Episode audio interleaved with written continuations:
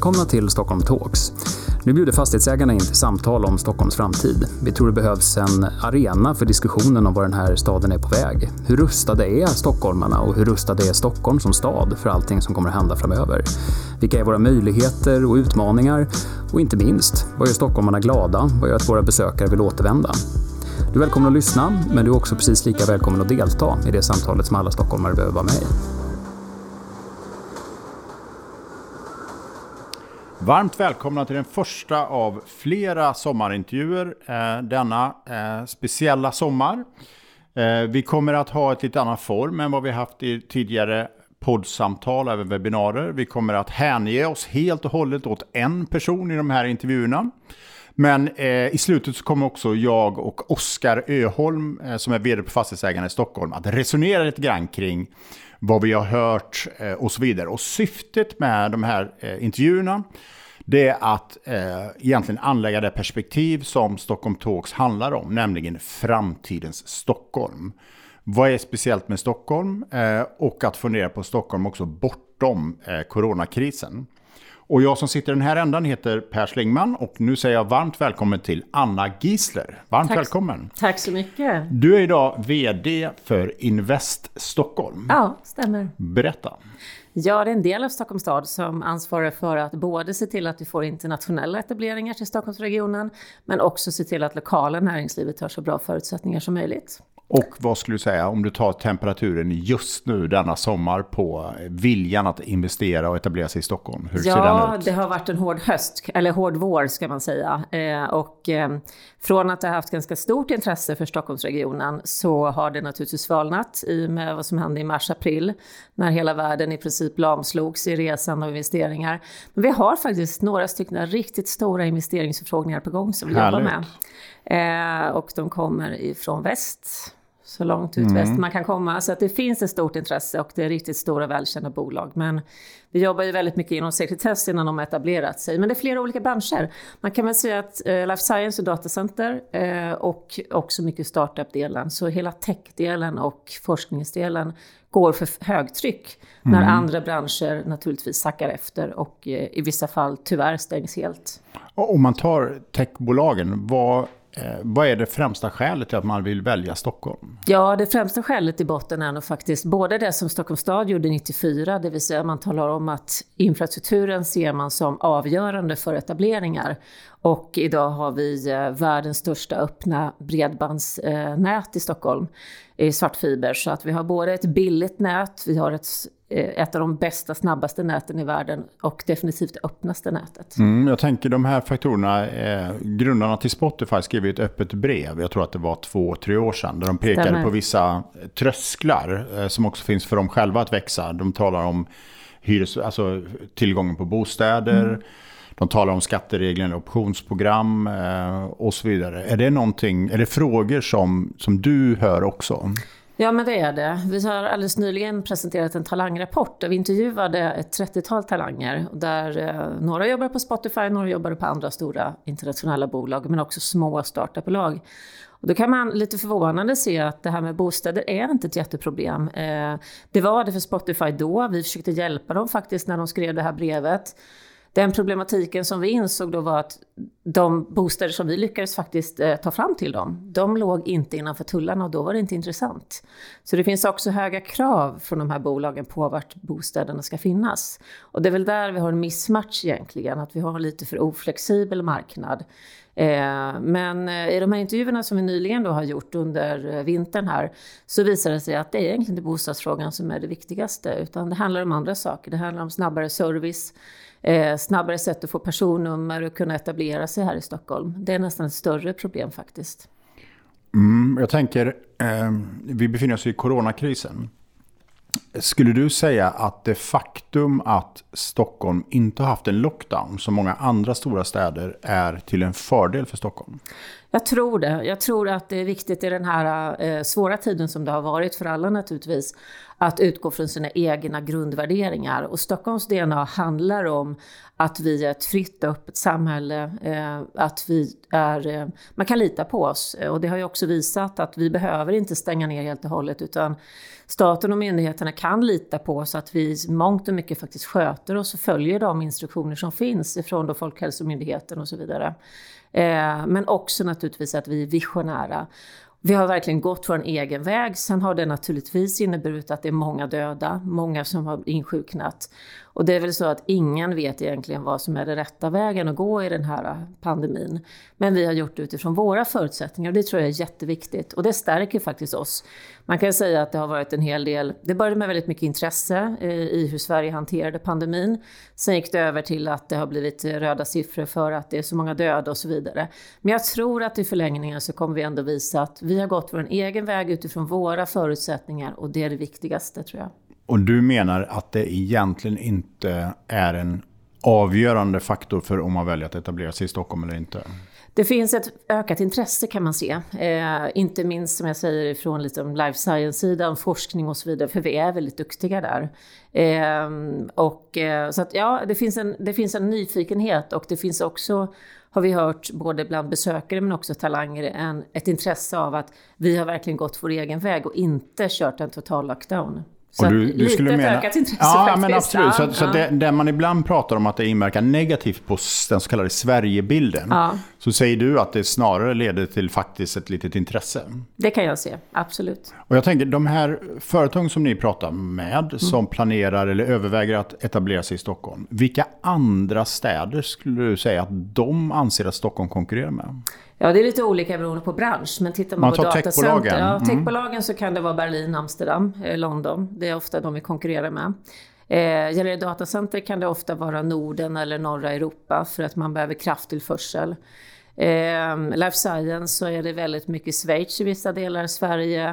Eh, men också eh, Holland, eh, Danmark. Eh, så att det, det är lite olika beroende på bransch. Men det är alltid så att när vi får en stor etableringsförfrågan skickar ut den till våra 56 kommuner som vi har omkring oss som samarbetar med de här etableringarna så är det alltid en annan, ja minst kanske fem, sex storstadsregioner i Europa som vi konkurrerar med. Och sen minskar den där klungan till att vi kanske är sist. Vilket vi var då i Microsoft eh, i deras etableringar i Gävle-Sandviken nu. Eh, eller till exempel Amazon Web Service i Västerås, Eskilstuna, Katrineholm. Eh, och då, då kan det vara processer som har pågått i ja, mellan sex och nio år i vissa fall. För det här är ju miljardinvesteringar. Nu nämner du platser som man kan tycka ligger utanför Stockholm.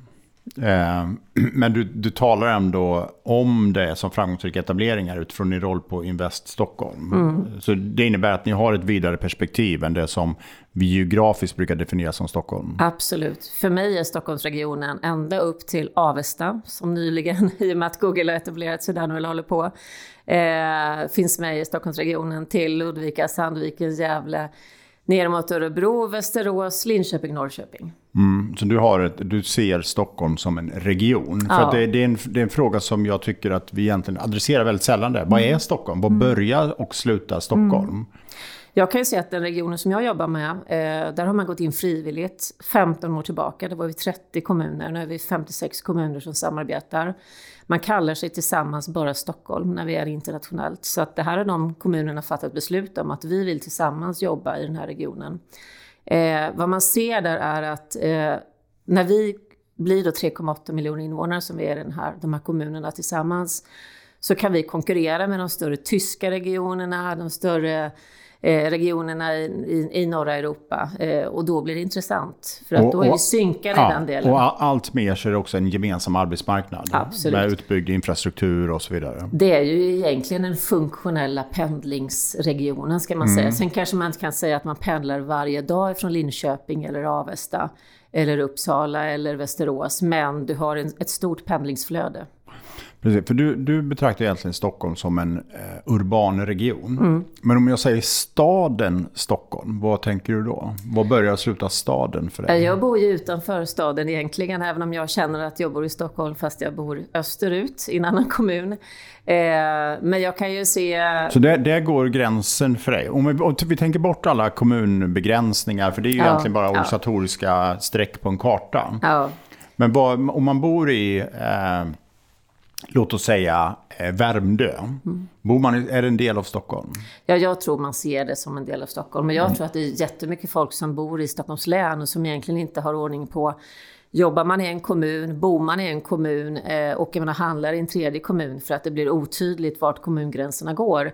Och det tror jag är viktigt på ett sätt för att det visar stadens och Stockholms styrka i sig. Eh, och Stockholms län blir naturligtvis någonting mittemellan då. Om, om den här 56 eh, kommuners radien som jag jobbar med och ser som den större Stockholmsregionen är en del, så blir ju Stockholms län nästa del kan man säga. Och innanför det blir det då Stockholms stad. Men det är för att jag känner till de administrativa gränserna. Mm. Jag tror inte att stockholmare i gemene gör det på det sättet. Nej, precis. Man förhåller sig på ett annat sätt. Om, om vi blickar framåt då. Eh, för den, den, här, det här samtalet och den här samtalsserien handlar i grunden om att ett försök att försöka lyfta oss ur det faktum att vi ofta är ganska kortsiktiga. Vi är kortsiktiga i vår planering, vi tänker i kvartal och så vidare. Eh, om jag säger så här, visionen om Stockholm. Om du anlägger ett perspektiv bortom coronakrisen och sådär. Vad ser du då? Har du, en, har du en vision, en målbild om hur Stockholm skulle kunna utvecklas? Absolut. Det måste man ha när man jobbar med marknadsföring och kommunikation av en, av en region. Eh, jag är helt övertygad om att, eh, och det vi redan gör egentligen, vi marknadsför i Stockholm som både utifrån DNA med Free, Trustworthy och Visionary, som är den historiska grunden i Stockholm, men också att Stockholm ska vara, och jag vill redan nu och, och kan se att det är mångt och mycket den mest kreativa platsen i världen egentligen. Och vad betyder det, att vara den mest kreativa platsen? Ja, det betyder att vi har, eh, jag menar när Financial Times 2015 eh, eh, berättade att Stockholm var en unicorn factory. Vi tillverkar så mycket eh, eh, unicornbolag eh, och vi ligger ju som sagt nummer två i världen efter Silicon Valley per capita. Eh, det är inte en tillfällighet. Det är ju faktiskt en strategisk planering utifrån både till viss del politik, det lilla som staden kan göra faktiskt för att bygga infrastrukturen, men också av alla de entreprenörer som vi har här omkring. Och där eh, mång, väldigt mycket av det som har skapats under alla de här åren är ju serieentreprenörer som då kanske inte lyckas första gången, men fjärde, femte bolaget så får man ihop en helt underbar idé som faktiskt förändrar hela utvecklingen inom en bransch.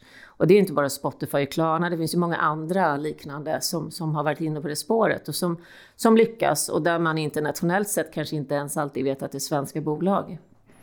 Och om man eh, tittar framåt då så eh, tolkar jag lite grann som att du säger att, att den position vi har som en kreativ stad, som en unicorn factory, att väldigt mycket handlar om att befästa, behålla och utveckla den positionen.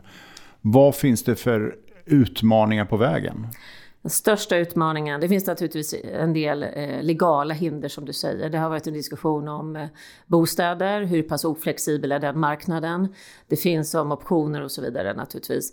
Men jag tror att Stockholm behöver bli så mycket mer öppet och internationellt. Vi är på väg åt det hållet. Du träffade aldrig eh, anställda på restaurang och i butiker tidigare som pratar engelska bara, men det har blivit en verklighet sedan kanske fem år tillbaka.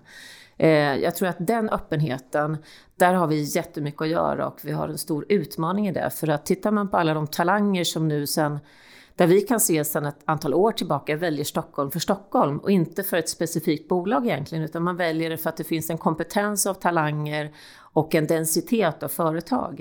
Eh, där måste vi bli väldigt mycket bättre. Eh, jag skulle vilja se att eh, vi jobbar nu med internationellt, eh, internationellt hus. Eh, nu sköts det tidsmässigt för att pandemin kom. Eh, så att eh, förhoppningsvis i höst nu så kommer det till ett sånt. Amsterdam, Köpenhamn har haft det i flera år där man under 20 minuter eller en timme ordnar arbetstillstånd för talanger som kommer utifrån Europa. Personnummer, registrera nytt företag och allting. Den servicen behöver vi och där finns det tyvärr en en gammal syn tror jag på att Ja, ja, men behöver vi så mycket talanger eller ska vi vara så öppna verkligen? Och det är så viktigt att vara så snabba, men jag tror att det är avgörande. Eh, och det kommer mer och mer tecken på att talangerna är de också som driver företagsetableringarna.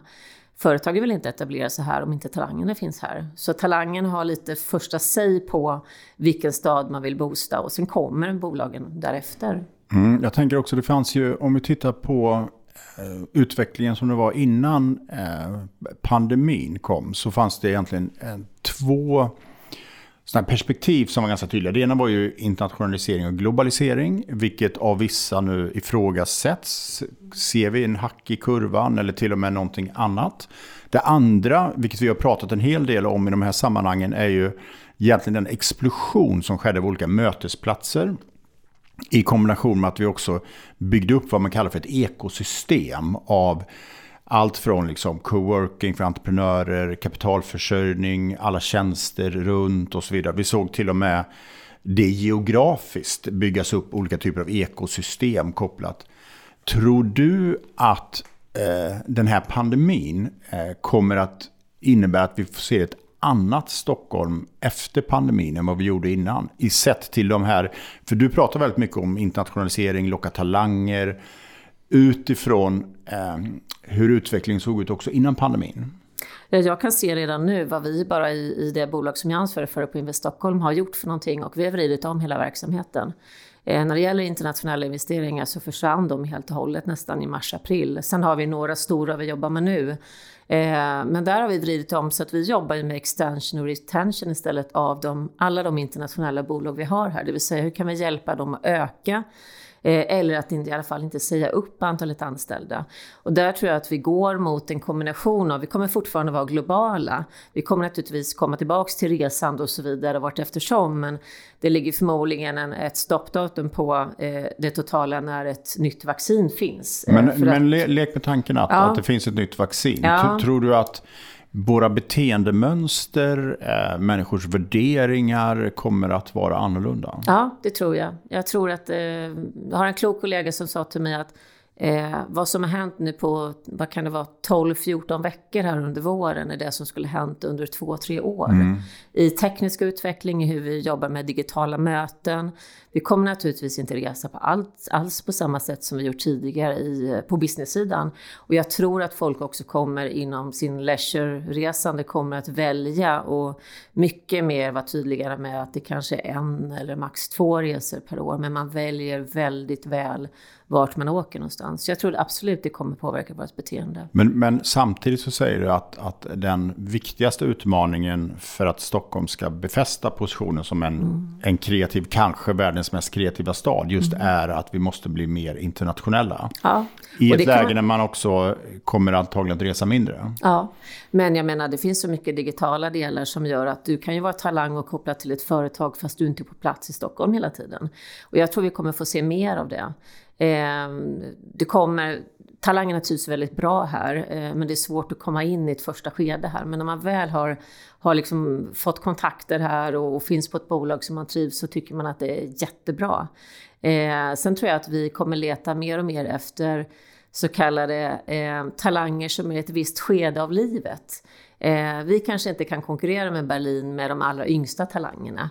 Eh, men vi kan konkurrera med talanger när de kommer i ett annat skeende. När man börjar fundera på familj, man börjar fundera på kanske att vara här lite längre tid och då har vi med både föräldraförsäkringssystem och andra sociala säkerhetssystem en mycket bättre eh, stad att leva i och region att leva i än vad kanske Berlin och, Amsterdam mm. och Det är lite som jag tror Anna König sa också i ett, ett av våra samtal här att Stockholm ska bli världens bästa plats för kvinnor. Och det är vi ju redan enligt rankingen. Ja, men absolut. Men att, att, eh, ja, precis. Ja. Men att, att också liksom utveckla och befästa det. Ja, och då ska man säga att när vi, det initiativ som vi startade då för några år sedan som heter Women's Place handlar ju inte bara om att kvinnor ska ha den bästa platsen utan det är jämställdhetsdelarna och uppdelningen av att alla ska ha möjligheter att förverkliga sina drömmar. Och kvinnan är naturligtvis en mer symbol för hela den delen. Mm, om vi, om vi eh, backar tillbaka lite grann från den här visionen. Mm. Eh, så tänker jag att, att eh, hela världen och Stockholm och allt, vi ska ju återstarta efter pandemin. De ekonomiska bedömarna är egentligen alla väldigt överens om att i Q3, alltså strax om bara några månader, så kommer vi se vändningen i ekonomin. Eh, samtidigt så vet vi att väldigt, väldigt många kommer att vara arbetslösa. Eh, vi vet att det har slagit väldigt hårt mot Stockholm. Om man tänker sig att vi använder begreppet återstart Stockholm, hur ska vi återstarta Stockholm? Vad tror du kommer att bli det mest avgörande? Jag ser ju på vårt systerbolag eh, Visit Stockholm hur man lider eh, naturligtvis och det är naturligtvis de som har råkat hårdast eh, ut. Vi jobbar tillsammans med flyglinjer. Jag tror att flyglinjerna kommer vara avgörande. Där jobbar vi tillsammans nu med Arlanda och Swedavia och andra eh, aktörer med att välkomna tillbaka de flygbolag som har slutat flyga men som nu startar om igen. Där är en enormt hård dragkamp eh, och där naturligtvis Köpenhamn och inte minst SAS-frågan som nu håller på att diskuteras också är avgörande. Eh, vi behöver för att kunna vara attraktiva både för talanger och företag och även besökare eh, ha ett bra eh, tillskott av långdistanslinjer. Och så som utvecklingen såg ut även innan pandemin var ju att Köpenhamn då via SAS har förlagt huvudparten av långdistanslinjerna eh, från Kastrup och inte från Arlanda. Och det gör att Stockholm blöder i de delarna. Sen har vi varit ganska duktiga på att locka till oss nya då, eh, icke-nordiska bolag till att flyga till långdistanslinjer. Vi hade ju senast då eh, både Air India för något år sedan, Singapore Airlines och sen hade vi också eh, ANA från Japan som var ju tanken att det skulle igång nu, ja, bara för några veckor sedan egentligen. Men allting är ju skjutet på framtiden. Den återstarten, av, du, du, du, den är enormt ja, viktig. Jag tänker också på det, det du pratade om tidigare här. Du pratade om eh, bredbandsinfrastrukturen, nu pratar du om flyginfrastrukturen. Så ska jag tolka det egentligen som att det mest avgörande för återstarten det är att vi får en, en in, fungerande infrastruktur ja. som gör att människor kan agera. Så är det. Sen tror jag att den digitala infrastrukturen har ju visat sig nu att vi har ju snabbt eh, skapat nya sätt att mötas. Och det är klart att det är jätteviktigt med alla de bolag vi har. Nu ser vi, vi har ju ställt in de flesta mässor som vi normalt är på. Eh, alla mässor under hösten i Europa egentligen är inställda eller väldigt minimerade. Och där man nu börjar komma med digitala mässor istället. Så jag tror att vi kommer se en jättesnabb... Jag tänker också ur eh, andra horisonten. Datacenter är ju en sak. För det, mm. det, det kräver ju eh, viss typ av liksom, klimat och eh, energiförsörjning och sådär. Men premissen egentligen för ditt uppdrag som handlar om att locka företag att etablera sig i Stockholm, Stockholmsregionen. Eh, tror du att vi kommer få se en mindre grad av internationalisering? Att, att företag kommer att avstå från att etablera sig i andra länder men att eh, ändå ha liksom ett, ett virtuellt eh, nordiskt kontor exempelvis i Stockholm som inte innebär en fysisk bemanning? Nej, men vi kan se det redan nu att eh, det här med att skapa aktiebolag i Sverige, vilket har varit en av våra kvitton för att man har kommit hit, eh, den är man inte riktigt lika intresserad av. Utan det är som du säger, man tittar på en närvaro, men måste den vara i ett eget aktiebolag eller kan vi bara ha närvaro här? Eh, sen kan man säga att när vi har jobbat med datacenter, Microsoft nu senast, så har ju de för första gången någonsin i världen dels tar man in grön el, dels återvinner man värme så att man, man det som ligger i vårt DNA påverkar också de bolag som kommer hit. Och det tycker jag är positivt. Det är en viktig del i utvecklingen. Mm. Jag tror att eh, det kommer en typ av deregionalisering. Eh, och det kommer i värdekedjor och annat till produktion. Och vi kan se det i Sandvik och andra bolag som vi varit i kontakt med som har haft problem under den här tiden med just komponenter som då tillverkas på andra sidan av världen. Och, och jag tror att alla större tillverkare och producenter tittar över. Eh, det är inte hållbart om vi råkar in i samma läge här framöver av pandemi eller någon annan orsak eller krig eller konflikter och så vidare. Det är inte hållbart att man har olika komponenter utspridda över hela världen och sen ska samla det i en produkt någonstans. Utan jag tror att det kommer en, en kombination av en deregionalisering i just värdekedjor i produktionen. Men jag tror också det jag tror att vi som människor kommer aldrig vilja sluta resa eller uppleva nya saker och det kommer samtidigt trigga oss att inte förändra vårt beteende kanske så mycket som vi har gjort nu där alla har akklimatiserat sig med att det går inte att resa, det är bara digitala möten, vi håller distans och så vidare. Men det kommer naturligtvis gå ett tag tills hotet av pandemin minskar. Eller vi närmar Men tror oss... du att den här, eh, det du kallar för en regionalisering, är någonting bestående också efter pandemin? Efter så att Ja, säga, vaccinets eh, Ja. kraft, så att säga? Ja, det tror jag faktiskt Mm. att det är. Eh, För att det handlar ju om en långsiktig planering Ja. från stora producenter. Så det tror jag faktiskt. Och vad det betyder då, det är väl egentligen att, att eh, för du, vi inledde egentligen prata med hur kan vi få företag i andra länder att etablera sig i Stockholm. Eh, Men det här skulle i så fall betyda att eh, svenska företag, företag som finns i Stockholm, kommer att ha en större del av sin egen verksamhet i Sverige, i Stockholm, för att ha säkra värdekedjorna. Och att det handlar, handlar lika mycket som att locka utländska företag att faktiskt få svenska företag att fokusera på Sverige. Absolut. Det tror jag. När det gäller fysiska Och produkter så märker är ni det sådana avgörande. signaler redan nu? Ja.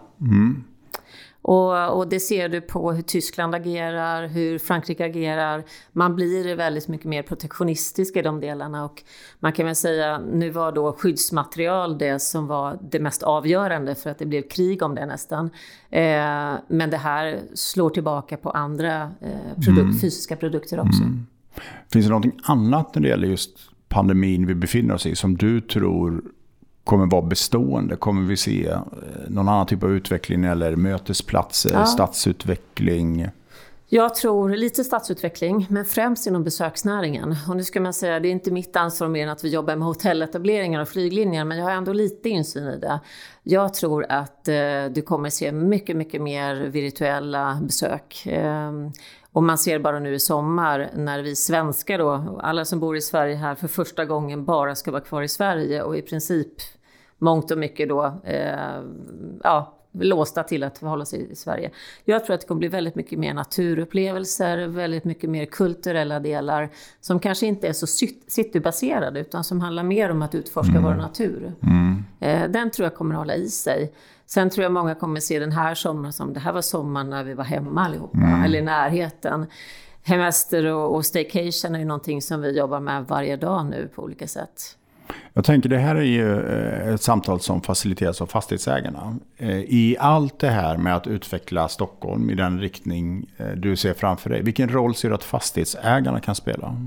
Jätteviktig roll tror jag. Eh, inte minst i det här med möjligen oflexibla fastighetsmarknaden som finns, bostadsproblematiken för talanger, även om man ska veta att den största gruppen av talanger som vi har som är dataingenjörer här är indiska dataingenjörer. Eh, och där kan man känna att bara jag har wifi på tunnelbanan, jag får sitta 20 minuter och ha en sittplats på, på tåget in till city där bolaget finns de ser inga alls problem med det. Eh, och så är det faktiskt bland många. Men det är svårt att komma in. Det är svårt att hitta första läget i bostadsmarknaden. Och där behöver vi, även om det finns en hel del nya intressanta eh, lösningar nu, så där behövs det en jättekraft. Och där tror jag fastighetsägaren har en jätte, och som organisation har en jätteviktig uppgift. För den bilden lever vi väldigt mycket, att det är så svårt.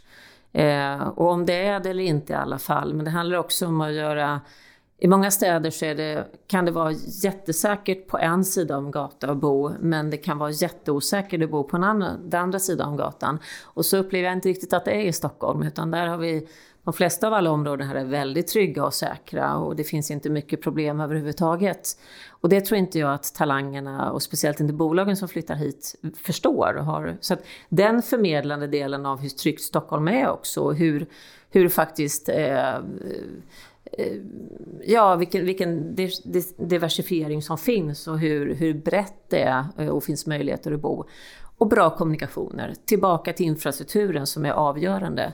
Så där tror jag också trycka på nya lägen men också trycka på infrastruktursatsningar är enormt avgörande.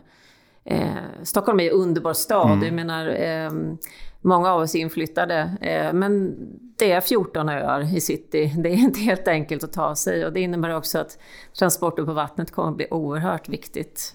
Men, men vad sig. finns det? Du sa så här att, att den här tryggheten som ju ofta faktiskt ifrågasätts. Att den, det är en liten oberättad historia om Stockholm. Vad finns det mer som är oberättat? Vad, när, när, när, du får besök, när utländska eh, talanger eller företag, vad blir de överraskade av?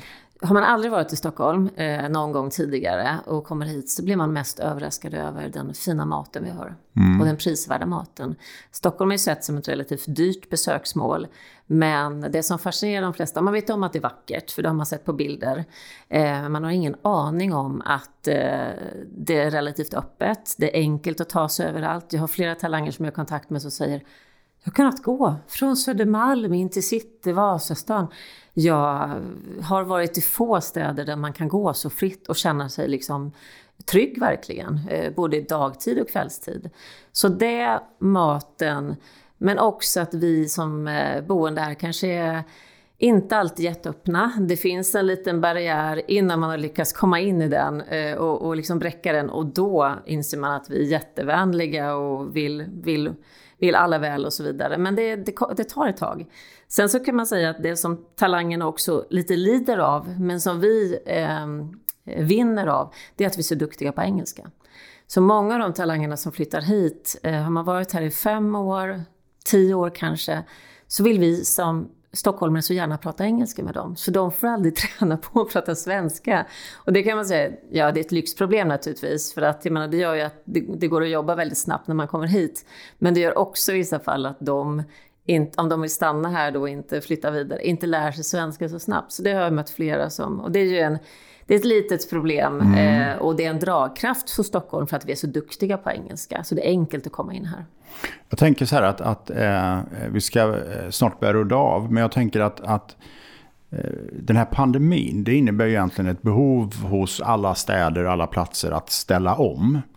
Och du har ju eh, pekat på vad du tror blir en utveckling mot ökad regionalisering, en annan typ av besöksmål.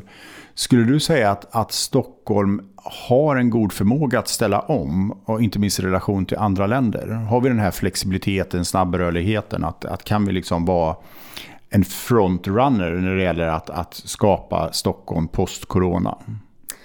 Jag tror att det finns två delar av det. När det gäller startup-communityn eh, och de bolag vi har så är man jättesnabba.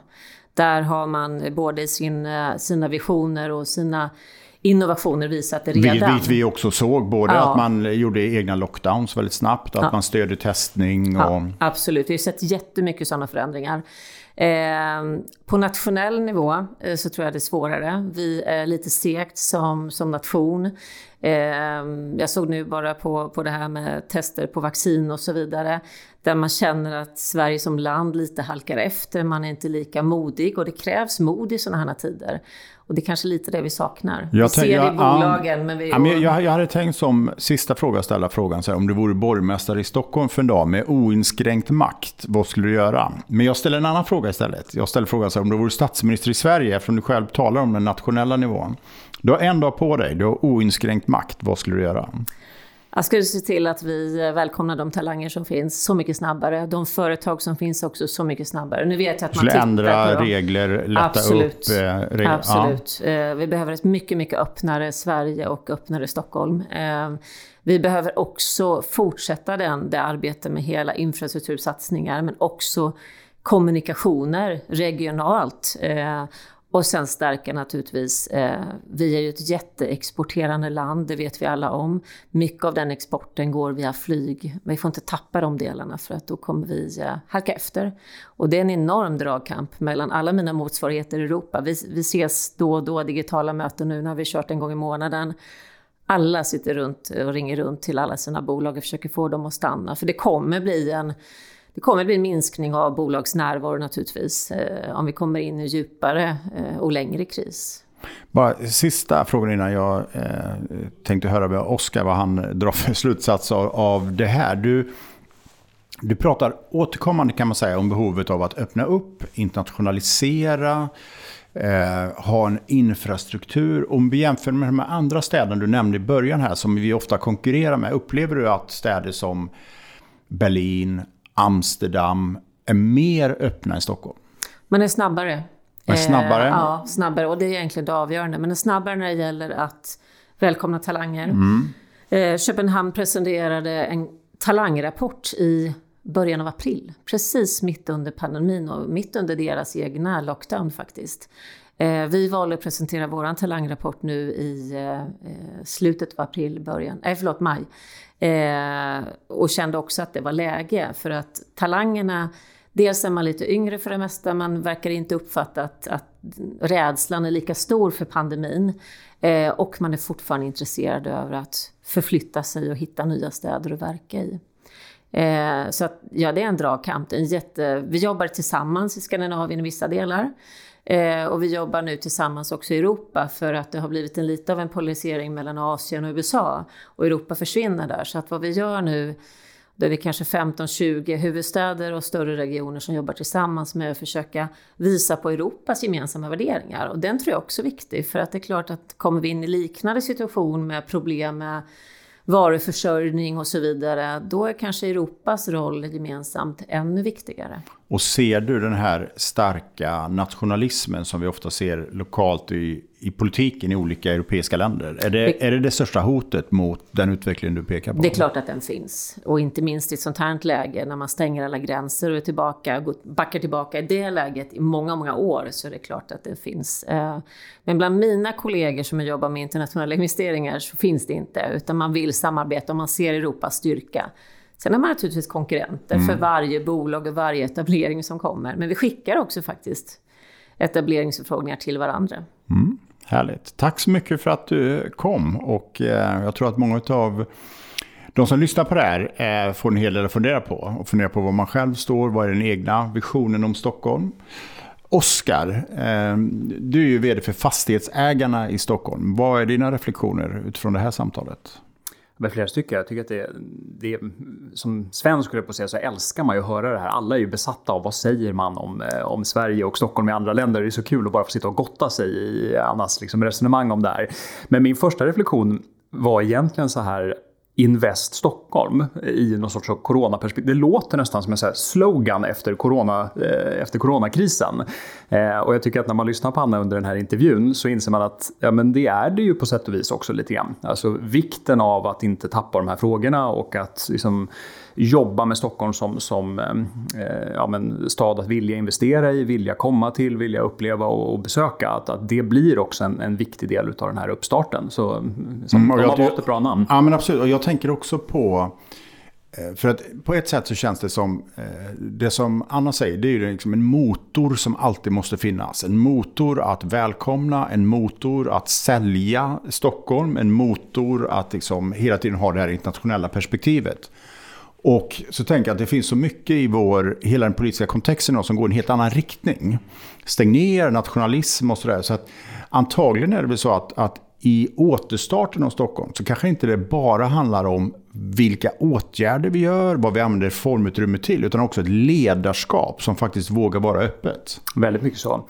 Jag, jag tror också en, en, annan reflektion när jag lyssnar på Anna, det, det är ju den här hela tiden dragkampen mellan Stockholm som stad där man bor och jobbar och liksom verkar och Stockholm som huvudstad för nationen.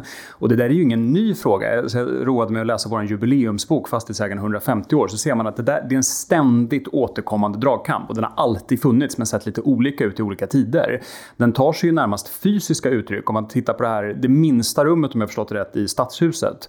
Det är det gamla överståthållarämbetet där man skulle liksom trycka in den tidens landshövding landshövding som att ja, det, det, det, var i en skrubb ville man markera från Stockholms stad. Och det är en så perfekt symbol för den här dragkampen.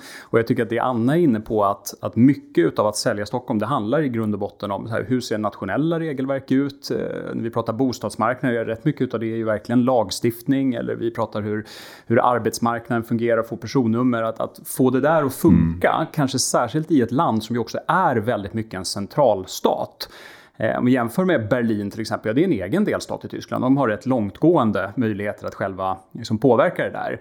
Så det har ju pratats en del om det här att göra om hela sättet vi, vi styr våra städer och kommuner. Just att det är en direktvald borgmästare med större, mm. större befogenheter. Ja, inte absolut. utan att det är en intressant diskussion. Ja, absolut. Och sen tycker jag också det här att, att Anna berättade här om, om de oberättade berättelserna om Stockholm. Jag tänker direkt på Tallinn och Estland som ju har hittat väldigt starka symboler. Det här, eh, den här symbolen, har du bara ett ID-kort men kopplat till en bank så kan du starta ett företag direkt. De har platsskatt så att det är inga problem att förstå hur, stor, hur hög skatten är.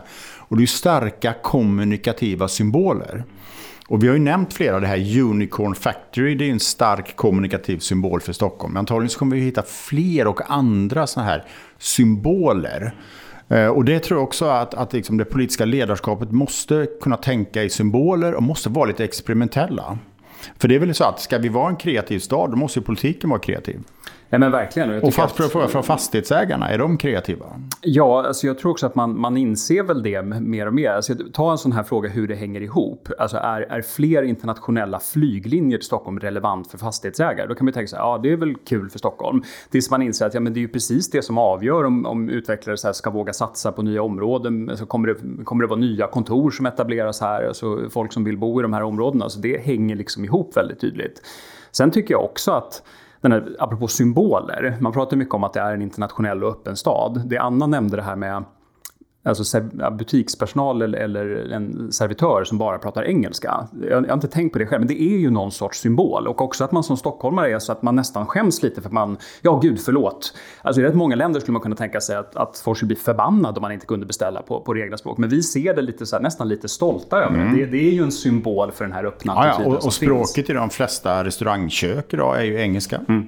Så det har ju absolut hänt någonting. Eh, men frågan är ju så här, hur behåller vi samtidigt vår kulturella särart? Klart. Så det är, det är väldigt spännande. Tack så mycket eh, Anna återigen, Oskar.